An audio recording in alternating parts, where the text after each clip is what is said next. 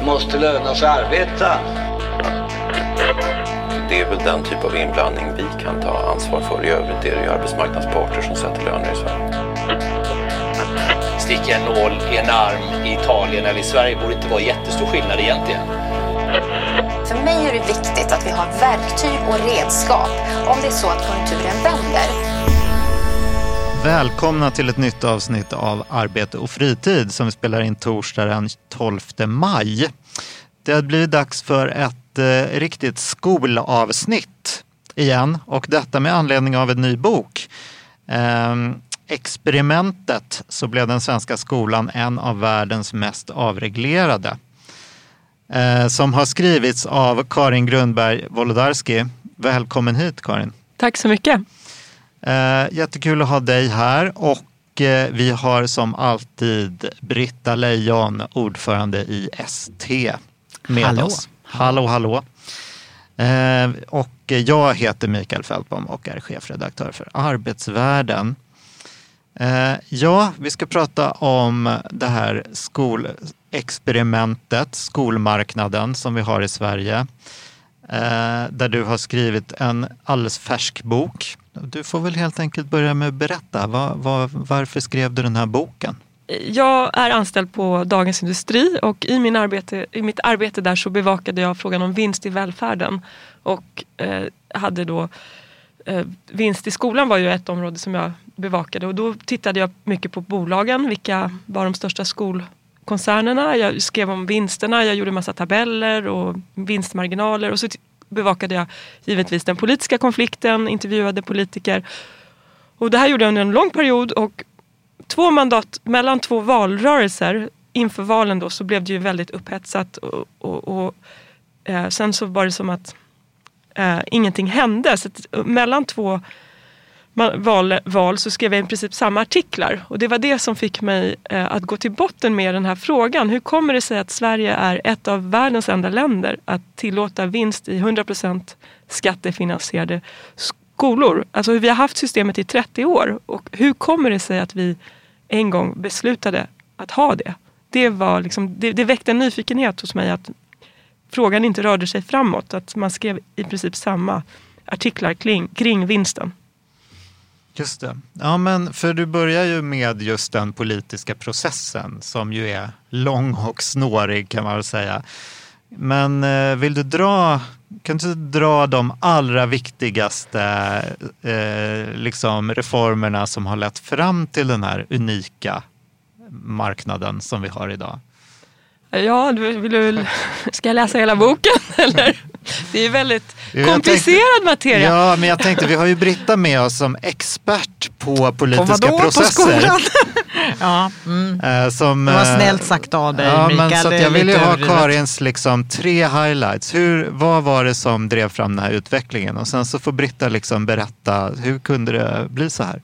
Ja, men då är det, jag kan säga, först rama in det. det. Det är en del politiska beslut som bäddade för skolpengen som de borgerliga införde 1991. Så det hände en rad saker före eh, val, maktskiftet 1991. Så det är det första. Sen det andra är att det var eh, ett klimat i samhället där eh, det lokala hamnade i konflikt med det centrala. Så det fanns massa byskolor som kämpade för sin överlevnad och för sin rätt att existera. Och så ville eh, staten då, det var ju på kommunal nivå, ville man skicka barn till eh, större orter. Och det här var konflikter som återkom. Drevdagen är ju en, eh, en viktig bykonflikt och eh, en konflikt kring en skola som bevakades i, i pressen under en femårig period. Eh, men, så det, det är också en viktig förklaring till varför man till slut eh, släppte loss tyglarna vad gäller friskolor. Um, vill du att jag ska gå in på fler detaljer så gör jag gärna, gärna det. Men det blir, jag vill inte prata nonstop så att jag, jag börjar så här. Just det, men man kan väl nämna kommunaliseringen av skolan i alla fall som ett av de här stora stegen som eh, föregick skolpengen som kom där 91. Ja, exakt. Och det är precis så att i och med kommunaliseringen av den svenska skolan så ändrade man sättet som man finansierade skolorna på.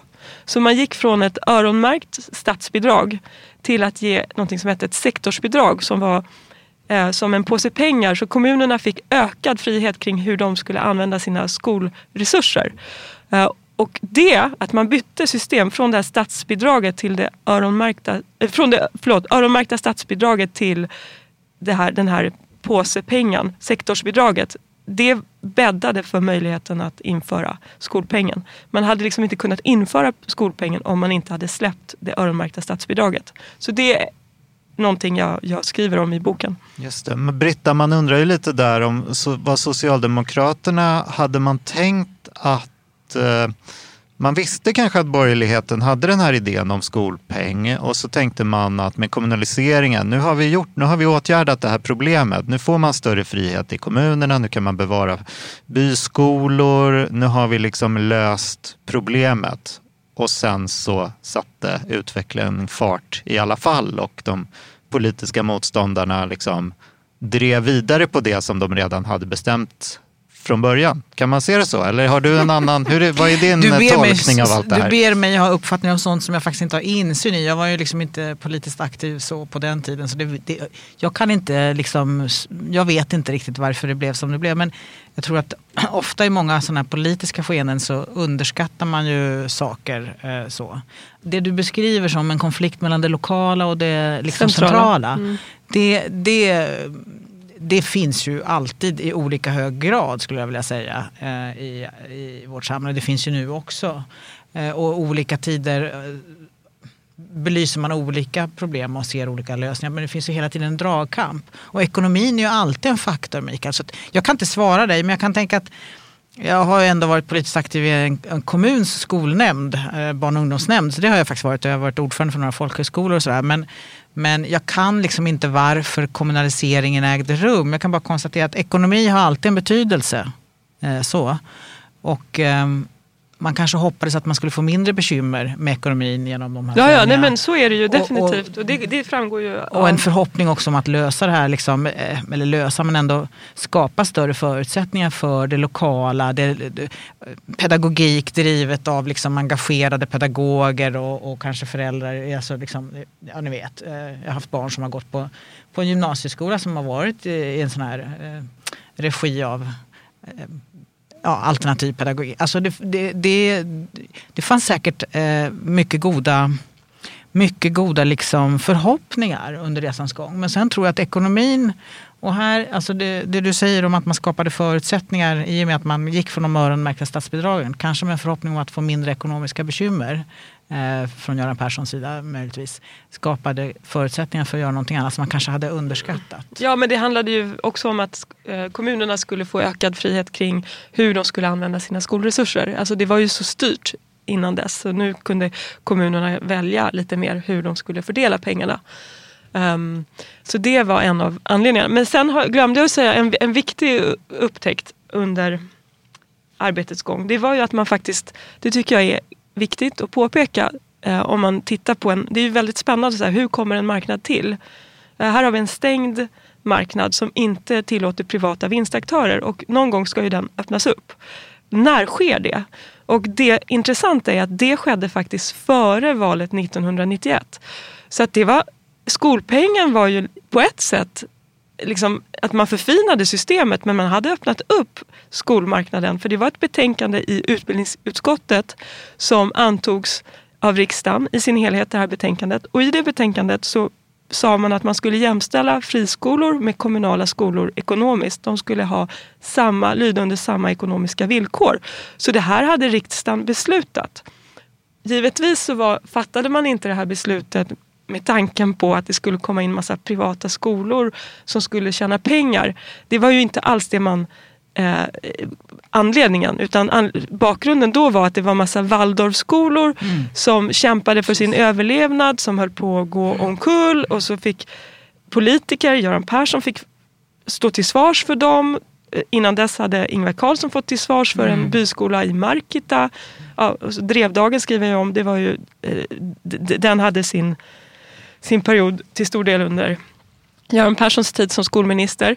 Eh, även Bengt eh, Göransson. Så att, eh, det var kontexten, det var förklaringen till att man öppnade upp skolmarknaden. Men det, var, det är märkligt att man inte tänkte på att det skulle kunna komma in privata aktörer som skulle vilja gå med vinst. För vi hade haft en debatt kring Pysslingen i landet och det hade varit väldigt upphetsat bara ett antal år dessförinnan.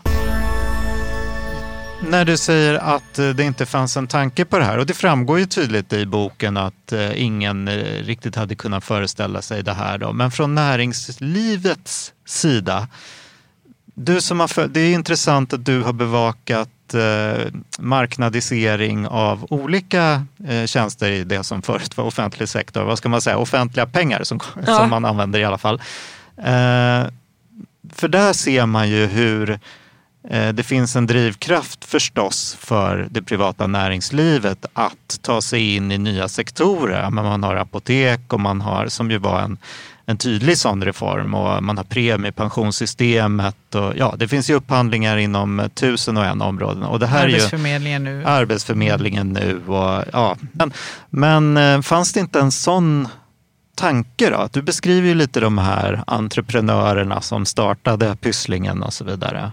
Ja, ja, men de fanns ju där. Det är det, det, är det jag mm. beskriver. att eh, Pysslingen var ju ett initiativ där man ville visa att det gick att ha, på samma sätt som vi har friskolor, att, att det gick att ha privata förskolor som var offentligt finansierade.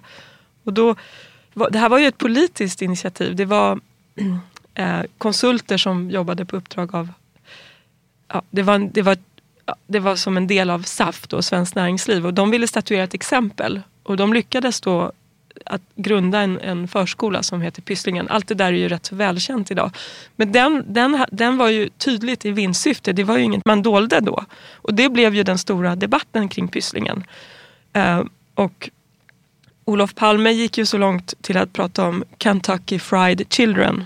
Mm. Uh, och, och, och ogillade initiativet. Det blev en konflikt med Kjell-Olof Feldt för han tog initiativet i försvar men under påtryckning fick han faktiskt backa och säga att han inte gillade eh, det här. Så det, var, det fanns en, en, en debatt och där visste man att, att, att det fanns privata initiativ som skulle in om man släppte sektorn fri. Mm. Så det är väldigt märkligt att, att man inte såg det i skolan, tycker jag. Mm. Men För, jag tror och det, att bedömer du att man inte gjorde? Eller är det utifrån att du, när alla du pratar ja, med det, nu absolut. säger ju att det här ja, såg vi inte komma? Ja, men det bedömer jag för att det är så konstigt. Först eh, eh när marknaden då rent eh, tekniskt om man ska säga, öppnas upp i och med det här betänkandet som går igenom. Då blir det ingen debatt om vinster utan då tänker, säger Göran Persson att okej, okay, men vi måste förbjuda, vi måste han vill sjösätta en utredning så att man förbjuder föräldraavgifter. För han vill inte ha två två liksom skolor. En, en skola då som får samma peng som den kommunala plus föräldraavgifter. Så det var liksom responsen på det. Det var inte att, att börja prata om att här kommer det komma in massa privata initiativ och vi, det, som kommer gå med vinst. Det, det, var inte det man började prata om. Sen kom de borgerliga, införde skolpengen och då började det sakta men säkert sjösättas massa privata skolor. Men när, Ylva Johan, när när Socialdemokraterna kommer tillbaka till makten 94, då reverserar de inte systemet. Och då säger Ylva Johansson i en intervju med mig att vinst, man såg inte vinstfrågan, den var inte så stor då. Och där, de hade ju liksom en chans till och tog den inte då heller.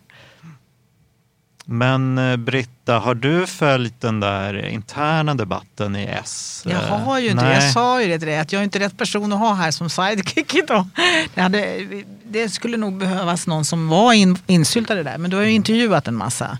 Alltså jag tror... Äh, för det har ju verkligen skiftat. Det är klart att några såg det, men de som mm. alltså, satt dels, på makten. Nej, för det har ju verkligen skiftat. Det är som du säger, det var ju ganska tudelat. Och sen var ju Socialdemokraterna har väl varit för det här systemet ett tag och sen har man nu svängt och är emot. Mm. Kan man ja, inte säga men så? inte riktigt. Alltså, utåt har man varit kritisk mot det.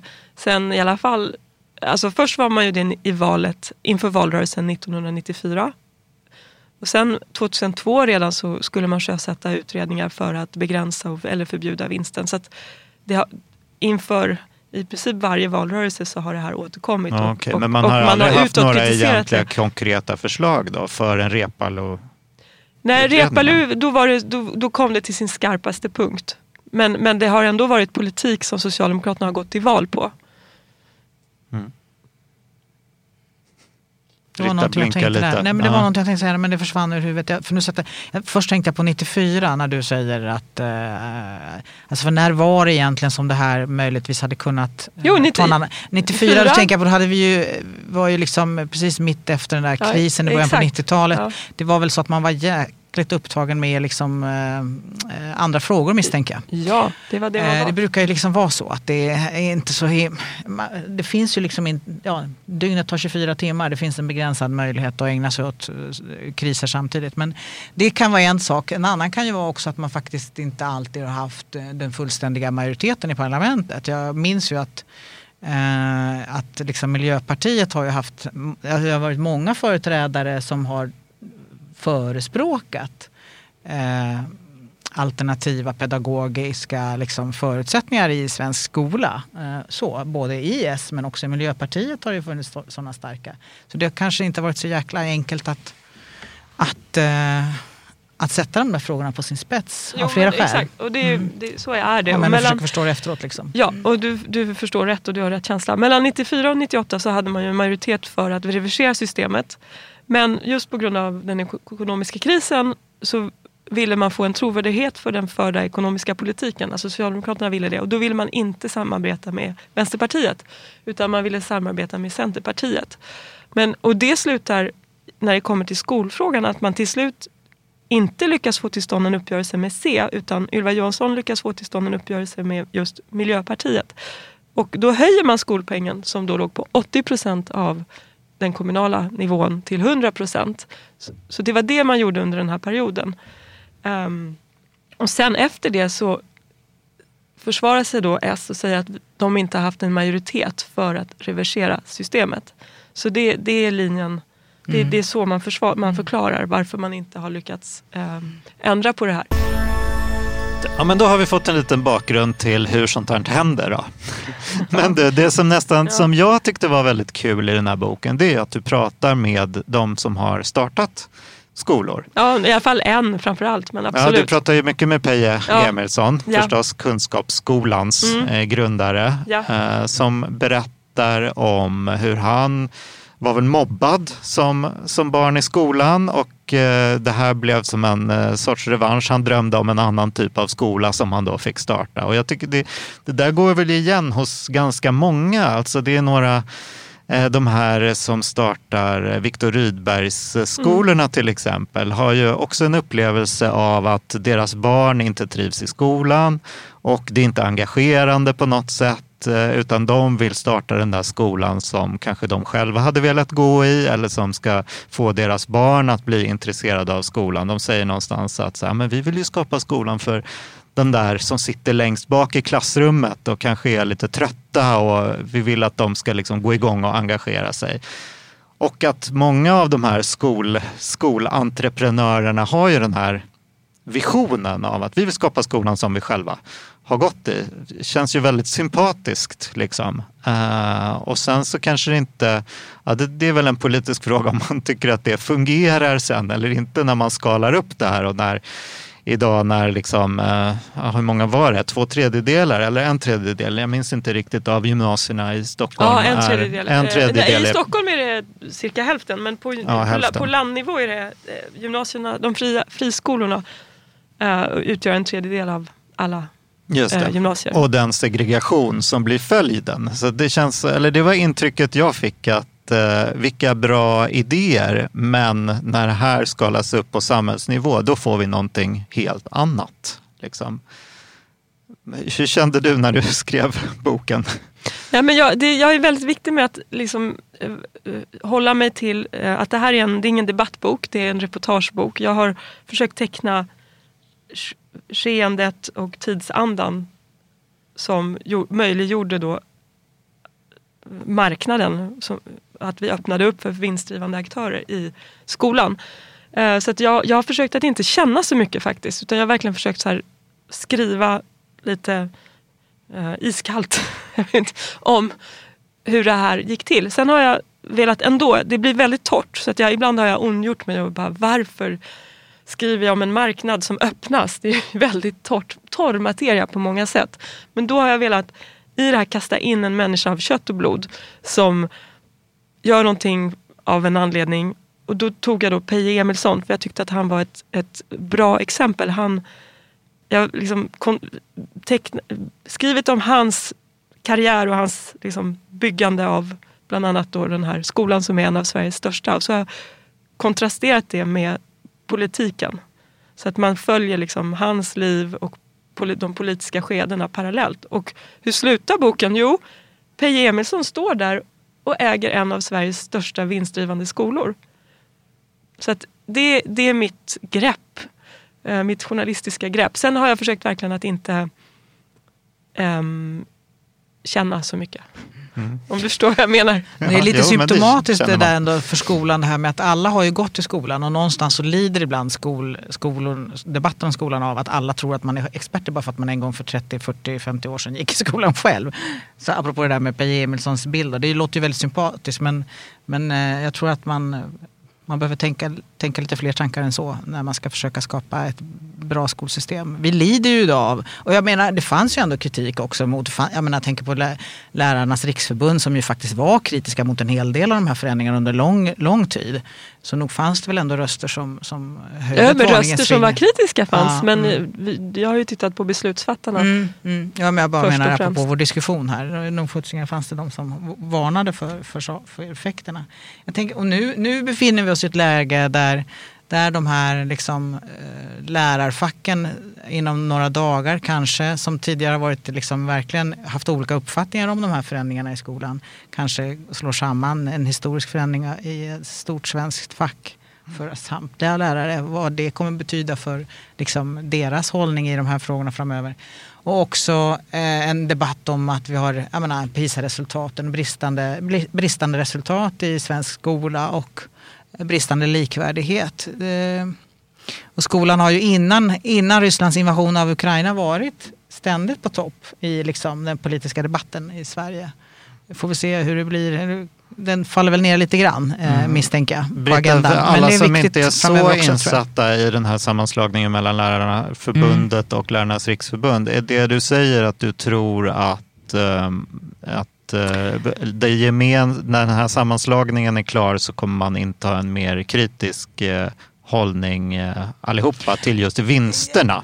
Vilket alltså, ju, vilket ju Lärarförbundet inte, de har kritiserat en massa eh, saker kring eh, skolpengen och så vidare och sagt att den är ett stort problem. Men de har inte varit lika tydliga som Lärarnas riksförbund i att säga att just vinsterna ska bort. Mm. Eller vinstutdelningarna. Jag tänker alltså, flera saker. Ett, jag hoppas att de grejar det här. Och två, de har ju redan anpassat sin, sina, sina uppfattningar i olika frågor från Lärarförbundets sida eh, när det gäller synen på liksom, förstatligande av skolan. Där har de ändrat uppfattning för att liera sig mer med Lärarnas riksförbund och möjliggöra den här sammanslagningen. Jag tänker att när de väl har lyckats så kommer de vara en än starkare röst för, och en viktigare maktfaktor i diskussionen om, om skolan.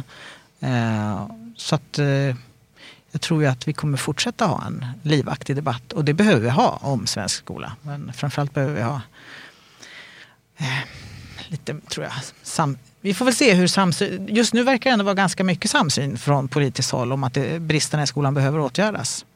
Ja, det var, inte i min fråga. Nej. Vi, vi pratade ju lite precis om det här med de här begreppen som Britta slänger sig med, likvärdighet och segregation och så vidare. Det reder du också lite ut i boken.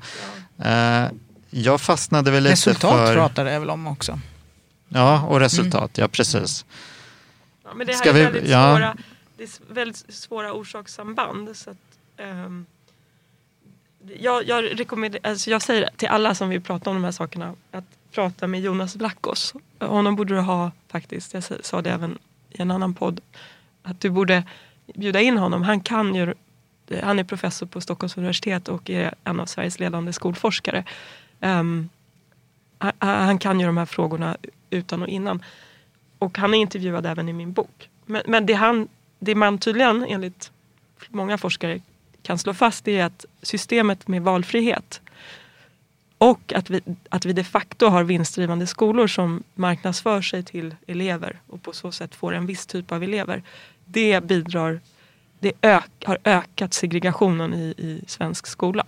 Sen har vi har också de här, har, har friskolorna ett större problem med betygsinflation än vad de kommunala skolorna har. Båda har tydligen problem med betygsinflation men det, det, problemet är större bland friskolorna. Så det är två eh, ja, negativa effekter av friskolemarknaden. Men det är ju inte bara marknaden, det är också hur man har, hur man har liksom byggt upp valsystemet, valfriheten, hur, hur möjligheten att välja skola som är liksom, eh, finns där i botten. Just det. Det där tyckte jag var lite roligt. Det är ju bland annat eh, de här Viktor Rydberg-grundarna inne på att eh, den vikt vi ger betygen ja. är väldigt knepig. Liksom. För de, de tänkte sig ju skolan för de som satt där längst bak i klassrummet och inte var så intresserade. Det de har fått i sin skola är ju superpresterande elever med de allra högsta betygen mm. som liksom knappast behöver motiveras äh, egentligen. Det är inte det som är deras problem. Liksom. Ja, men, och, och, på gymnasienivå, det, mm. det är tydligen när man pratar om det ska man i första hand prata om grundskolan. För på gymnasienivå är det ju betygen som segregerar. Eftersom du, du antas på betyg. Så det är, det är också en skillnad. Um, men, men och det leder ju till de här problemen med betygsinflation. Att det blir ju valutan i ja, den här skolan som på, du lockar, också, exakt. precis som du lockar ja. till grundskolan med ja. att uh, här får du bra betyg. Ja. Jo, det riskerar ju att bli så. Men, men uh, de hade ett resonemang kring att man kanske skulle ha Eh, både efter gymnasiet att man skulle ha eh, fler element av inträdesprov på högskolor. Eh, så att inte skolan liksom har, ett ensamt avgörande kring det. Det låter ju intressant. Och sen har på grundskolenivå skulle man ju kunna tänka sig något liknande. Men som sagt, låter det här lite är... som folkhögskolevärlden det där. Det här är eh, bara, det var deras tankar kring Viktor Rydberg ja, folket alltså? Eller? Ja. Mm. ja, för det, det var ju kul att du sa det. För det, det lät ju som att det lutade åt det även om du inte skrev ut det. Jag som gammal mm. elevorganisationsperson har ju alltid varit skeptisk till betyg. Så jag tycker okay. det är härligt med sånt med ja. inträdesprov och andra sätt att eh, ja, kolla nej, men, kunskaper. Ja, skulle, inträdesprov, det är ju det, då då blir det ju, ja, jag vet inte. Det, det, då blir Klart det, inte det blir bara andra problem som, naturligtvis. Som, uh, som, som avgör. Så att, mm. Var det någonting som du blev, förlåt men eh, mm, Mikael, nu är jag inne på det här med att ställa frågor som jag egentligen inte får. Men eh, när, var det någonting du, som överraskade dig jämfört med vad du hade trott när du liksom har gett dig kast med alla de här intervjuerna? Och, ja, men det är klart jag blev faktiskt överraskad över att eh, politiska mm. beslutsfattare det som, en, en sak som överraskade mig på ett sätt. Eh, det var att, att Ingvar Carlsson hade varit utbildningsminister. Göran Persson har varit skolminister. Ja, nu, faktiskt, eh, Olof Palme började ju faktiskt också som utbildningsminister. Men de två, Ingvar Carlsson och Göran Persson. Och trots det att de har haft det här som sitt, liksom, sin portfölj så nedprioriterar man skolfrågan när man sen blir statsminister. Det tycker jag är fascinerande. Skolan är ju ändå det viktigaste, ett av de viktigaste sakerna vi har i ett samhälle. Och så får det inte högre prioritet och då blir det ju den här typen kanske av halvmesyrs beslutsfattande kanske. Om man inte liksom väljer att prioritera upp det. Tänker jag. Det, men jag, jag blev förvånad, för när, när jag intervjuade mm, Ingvar Carlsson så sa han precis det du var inne på att Sverige befann sig i liksom en ansträngd ekonomisk situation och jag kunde inte ägna det här en tanke. Och då kommer han ju ändå från den, mm. liksom, han har haft ansvar för skolorna. Vad är din kommentar?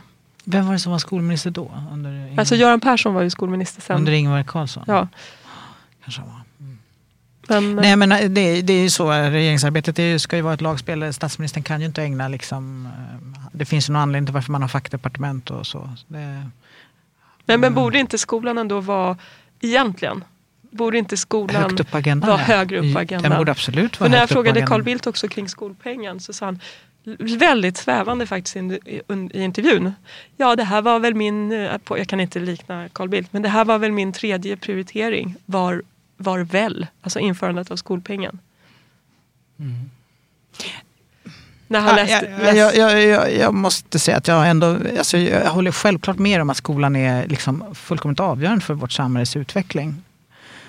Eh, både på liksom individnivå och systemnivå. Men, men jag måste ändå säga att jag har viss eh, ödmjukhet inför liksom komplexiteten i uppdraget som statsminister. Så jag känner inte riktigt att jag vill ha någon uppfattning om att det var fel gjort nej, ändå. Alltså allvarligt. Ja, men det, Men jag var själv, arbe- alltså under 90-talskrisen var jag själv arbetslös. Eh, Alltså jag minns det där ju ur ett helt annat perspektiv. Eh, Så att eh, jag förstår att man hade fullt upp med annat. Liksom. Så. Jo men det är ju alltid så. Nu har vi fullt upp med, med och det ska vi ha. Mm. Nu är det ett, ett, ett, liksom, det, det ett säkerhetsläge som är helt ja, eh, historiskt oroligt. Och, så det är klart att det är prioritet. Får jag säga någonting annat istället? Nästan Mm. motsatsen. Mm. Jag tror att skolan skulle må bra av lite mindre politisk klåfingrighet och lite mindre politisk närsynthet. Det betyder inte att man inte... Alltså för, alltså jag, jag, jag, eh, vi har fullt upp med jättegoda pedagoger och eh, borde rimligen ha, eh, tror jag, liksom... Alltså, har, du, har du gjort jämförelse med Finland? För jag bara funderar på, Finland brukar ju alltid hö, jämförelse. nej, höjas som liksom ett föregångsland jämfört med oss. Sen har de helt andra förutsättningar, så är det ju naturligtvis. Men, men ändå, jag kan liksom, de har ju... Min bild, som, en, som verkligen inte...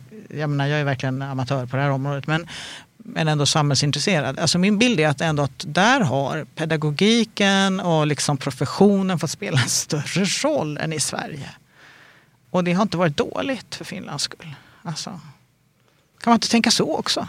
Men de har, väl ett, de har väl inga friskolor, de har ju ingen vinstsystem. Nej, jag ser att de har ett helt andra förutsättningar. Men det kanske är- de har, liksom, de har, de, de jag har väl nästan så här inte- skola 1, skola 2, skola 3. Liksom. Ja, ja, de är ju väldigt, på ett sätt väldigt konservativa och gammaldags. Men det kanske finns något bra i det också. Jag, jag, alltså, mm. jag, jag, ja, nej, Nej, men, men, men en poäng tänkte- jag gör också i Mm. min bok det är att i, inför varje, varje valrörelse så har, går i, i princip då, har S gått till val på att de ska reversera systemet med vinster till exempel. Men sen när det kommer till kritan och man ska förhandla kring regeringsmakten då nedprioriteras den här frågan och, eh, för att man ska kunna regera landet. Mm. Det, ty, det, tycker jag, det visste jag ju om men det är ju också intressant att, att den här frågan släpper man. Just det, januariavtalet. Ja, det är intressant. Ja, hur viktigt exempel. är frågan om man Mm. ständigt är beredd att släppa den? Ja. Men du, eh, du, har ju också, du tittar ju en del på eh, resultat, segregation, likvärdighet och även skolresultat. Eh, Vad är din bild då? Hänger de sämre resultaten i internationella jämförelser som Sverige levererar ihop med friskolesystemet? Nej, men, ja, så här, som jag eh, försöker förklara, så det här är väldigt komplexa frågor. Eh, och eh, jag då har intervjuat Jonas Vlachos, jag har intervjuat en annan forskare, jag har intervjuat Andreas Schleicher. Men det, det som är det man kan se då är att resultaten i svensk skola, de började sjunka nå, tydligen, kanske något till och med före friskolereformen. Och det går tydligen inte att, att göra, liksom, du kan inte jämföra med något för vi, vi har ju inte det andra. Vi vet inte hur skolan skulle ha utvecklats utan friskolorna. Så att en del personer hävdar att det är självklart att resultatnedgången som vi har sett i svensk skola, observera att resultaten har ju börjat gå upp igen. Så att jag tycker det är en liten dyster bild när man pratar om resultatnedgången. Nu har det ju faktiskt börjat bli bättre. Men det går liksom inte att föra det i bevis riktigt att det beror på att vi har det här, den här marknaden. För det finns så många olika andra. Det, det går inte att jämföra med hur, hur det skulle ha varit utan dem. Så det är, det är mitt svar på det. Och sen, men jag blir väldigt irriterad när folk säger att det är självklart att resultatnedgången hänger samman med friskolorna. För det, det som sagt, kanske det gör. Vi vet inte. Sen har friskolorna problem med betygsinflation. Det är superallvarligt. Och det, det, det, det, det, finns ju, det är ju liksom... eh, Det är inte okej någonstans att de ger då i snitt högre betyg än de kommunala skolorna. Men farhågorna från de här forskarna är ändå att segregationen på sikt borde, eller inte på Nej, sikt men- utan borde ha påverkat nej, resultatet det- genom kamrateffekter och så vidare. Ja, eller nej, det så- finns en sån drivkraft men man kan inte visa det. Systemet med friskolor och valfrihet har ökat segregationen i svensk skola. Det kan man visa. Och man kan visa på betygsinflation också som är högre i friskolor. Sen om resultatnedgången hänger samman med att vi har en skolmarknad eller inte, det kan man inte riktigt visa för att vi kan inte göra jämförelser med hur det hade varit utan de här skolorna. Det är, det är det jag kan säga, det är det jag kan stå för. Jag vill liksom inte ut här för det här är väldigt svår materia. Mm. Och jag vill inte säga fel. Ja, men, men du, kanske ja. har, du, du kanske har tankar och så, så då får du... Vad var det du tänkte? Så, så att jag förstår att segregationen borde ju rimligen påverka resultat negativt. Att just ja, de, hos just, inte hos de duktiga mm. eleverna, eh, Eh, men just att kamrateffekten liksom försvinner när de mindre studiemotiverade blir kvar i skolor som de mer studiemotiverade lämnar. Alltså så här när jag pratar med Jonas Vlachos så problemet, en, ett problem som man ser med segregation det är att eh, de, stark, de skolorna som attraherar de starkare eleverna, de får lättare att rekrytera bra lärare. Så de kanske får de bättre lärarna och det borde ju rimligtvis, tänker jag, påverka likvärdigheten negativt. Mm. Ja. Men, men som sagt, jag vill att du intervjuar Jonas Vlachos om de här frågorna. Det var en intressant bild som han eh, PISA-ansvarige Andreas Schleicher ger när han säger att eh, som utlänning förväntar man sig att Sverige har fina skolor med fina möbler. Men jag har sett några skolor i Sverige, de påminner om hur det är i ett utvecklingsland. Det är en skola, men det är inget ställe man vill gå till. Det är precis vad som händer med social segregation. Mm, det var ett väldigt starkt citat som eh, han sa. Vad ska, vad ska vi säga? Det är ju förfärligt.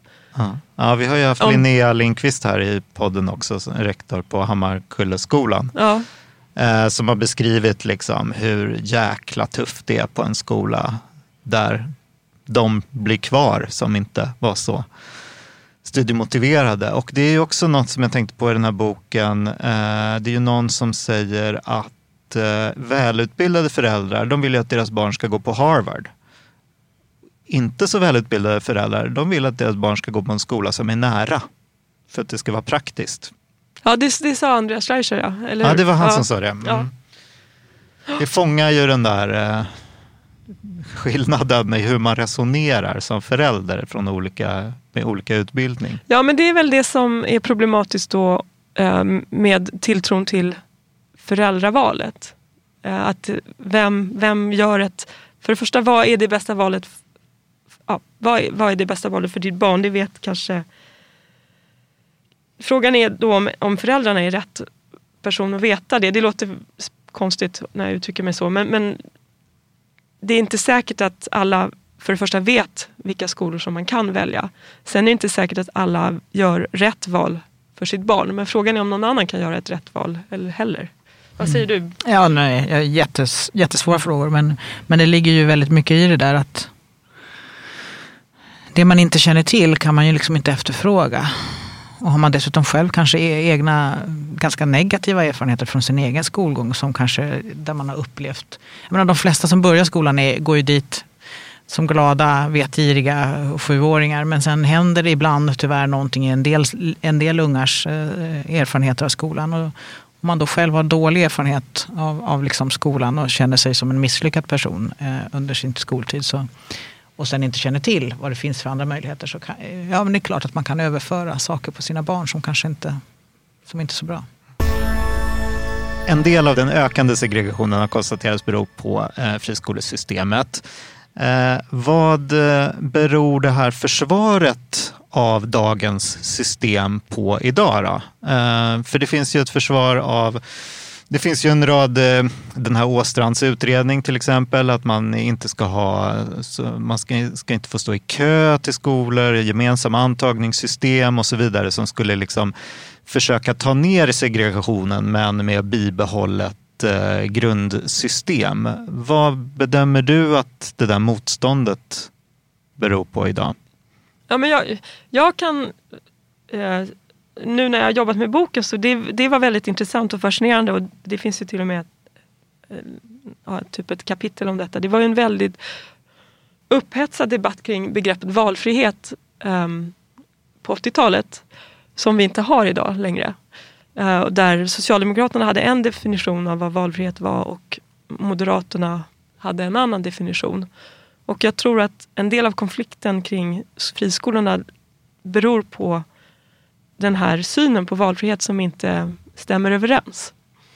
Um, och för att jag menar, när, när Socialdemokraterna säger att de vill försöka skapa en skola som är mindre segregerad, då svarar Moderaterna att barn ska inte vara integrationsverktyg utan valet ska trumfa, det är det viktiga.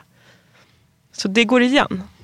Så det, det en, en, där har man en olik syn på, på vad frihet är, begreppet frihet.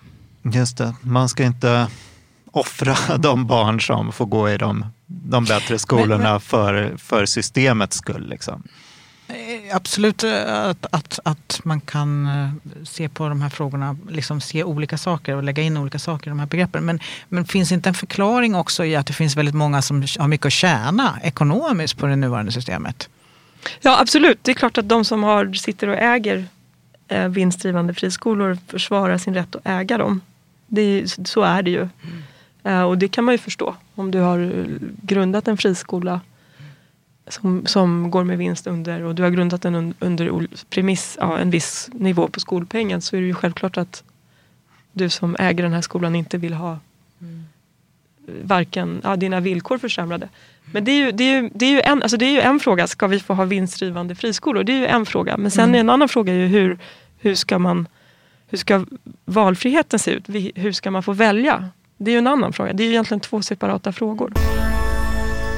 Det var ju intressant de här vinsterna, eh, som du skildrar ju dem också, att de ligger ju egentligen i aktievärdet. Alltså man blir inte särskilt rik på att driva en skola, men man blir väldigt rik, kan bli på att expandera väldigt snabbt. Eh, ja, om du och skapa många den. skolor och sälja ja, sen. Där ligger det är där för, pengarna kommer. Ja, de stora pengarna. Men sen har jag ju ett, ett, eh, ett kapitel som handlar om eh, en före detta börsmäklare som eh, hade någon lärardröm men han gick ju och köpte Tibble gymnasium.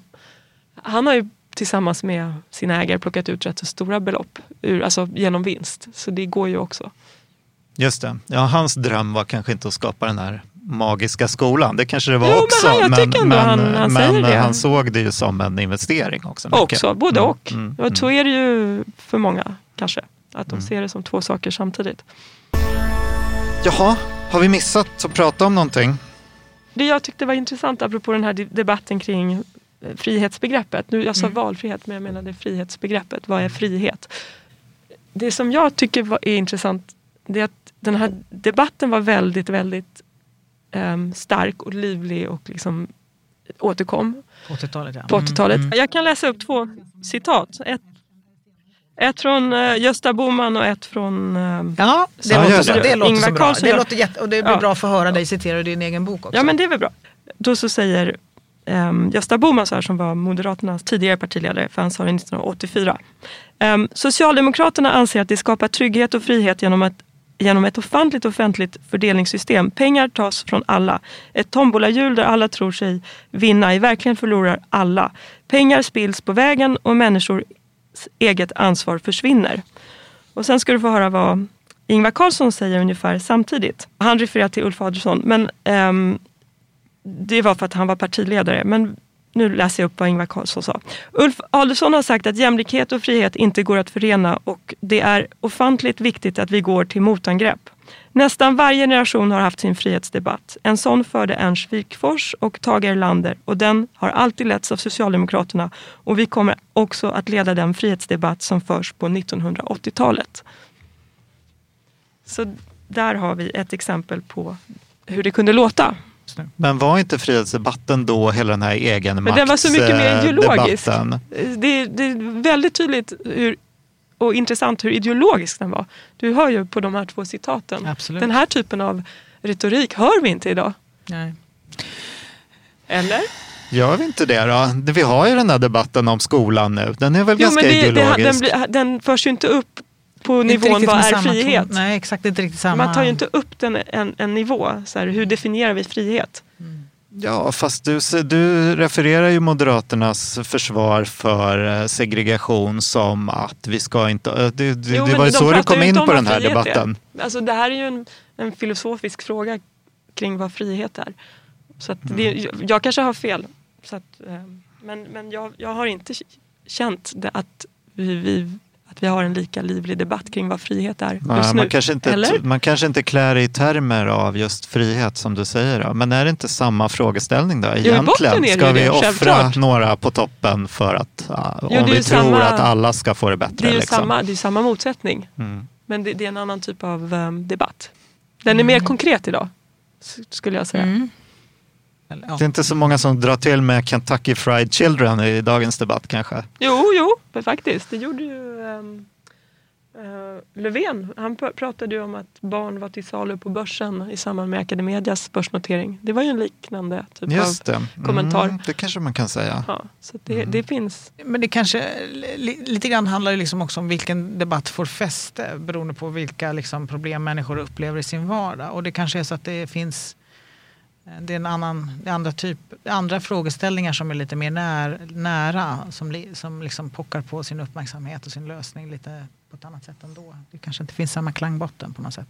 Mm, och var det någon som lyssnade på de där eh, diskussionerna på Ja, men de- 70-talet? eller är det Ja, du som har 80-talet. plockat upp dem i De efterhand? här, de här, Ja. så, nej men det tror jag, de sa ju Ja. dem på, på stora sammankomster. Mm. Så det tror jag, det var, det var en annan typ av, av debatt. Men man ska komma ihåg att det handlade ju väldigt mycket om den offentliga sektorns storlek. Det har vi också glömt. Och, Nej, jag har inte glömt. nej, Det du har inte jag glömt. Jag, Mm. jag, jag, har, jag har glömt för jag var ett barn då. Eller jag kommer ihåg det vagt. Eh, Men, men, men det- den diskussionen har vi ju inte för att den offentliga sektorn är ju inte lika stor idag. Verkligen inte. Men- Men, jag men ju- men jag minns när jag jobbade som, när jag jobbade mitt första statliga jobb på Transportrådet. Det lades ju ner just med den typen av liksom argument av en socialdemokratisk regering. Eh, just för att ja, men, vi behöver skära i offentlig sektor, vi behöver skära i staten, den är för stor. Eh, Mm. En valrörelse. Jag minns mycket väl den valrörelsen. Mm. Eh, Det handlade väldigt mycket om det. och eh, otroligt eh, jobbigt att befinna sig i den sektorn som ansågs som eh, tärande. Och man visste att det var en massa av ens arbetskamrater som liksom slet eh, som djur och eh, blev av med jobbet för att myndigheten lades ner. Och det var inte så att deras arbetsuppgifter inte behövdes utan det, det var ju andra myndigheter som fick ta hand om det istället. Men du Britta, ser inte där- en eh, debatten comeback jag då för en starkare staten Jo, just jag nu? För ni, ni har ju till exempel, Men jag jag tänker på hoppas er att inte- rapport om Ja, liksom, absolut. urgröpning av resurser. och det där ur- gäller ju hela offentlig Urholkningen sektor. av att staten har ju man- pågått sedan dess. Mm. Så är det ju. Men samtidigt så det, nu ser vi en, en fullkomligt nödvändig upprustning av det militära försvaret. Och förhoppningsvis också så småningom en, civil, eh, en ökning av den civila beredskapen. Eh, Men våran oro är ju att det kommer, det kommer vi ha råd med men vi kommer inte tycka att vi har råd med liksom allt det andra. Nej, går det? Det kanske inte går hand i hand. Det kanske snarare går emot varandra. Ja, risken är stor. All right. Eh, Men Karin, har vi, är det något i boken som du känner det här måste jag få prata om? Eller är vi, har vi gett lyssnarna nu essensen av din bok här? Uh, nej, men jag hoppas att så många som möjligt vill läsa boken såklart för att förstå varför Sverige öppnade upp för vinstdrivande skolor. Hur du vill förmedla? Köp boken! Ja, typ. Jag har lagt väldigt mycket tid på den så att det är ju klart jag vill det. Ja, nej, men det var kul. Jag tyckte ju särskilt det var kul att höra de här rösterna från de som har startat skolor. För det har inte jag läst så himla mycket om. Ja, och det tycker jag eh, självklart är också viktigt. Att förstå deras drivkrafter. Mm. Jaha, hörni, ska vi säga hej då? Och eh, att eh, man ska komma med förslag på vad vi ska prata om framöver. Höra av sig till oss eh, och lyssna på podden och prenumerera så man inte missar några avsnitt och allt det där. Tack Karin Grundberg Wolodarski för att du kom hit. Tack så mycket. Och tack Britta för att du var med idag med. Eh, vi är tillbaka om två veckor sådär. Lyssna då. Hej hej!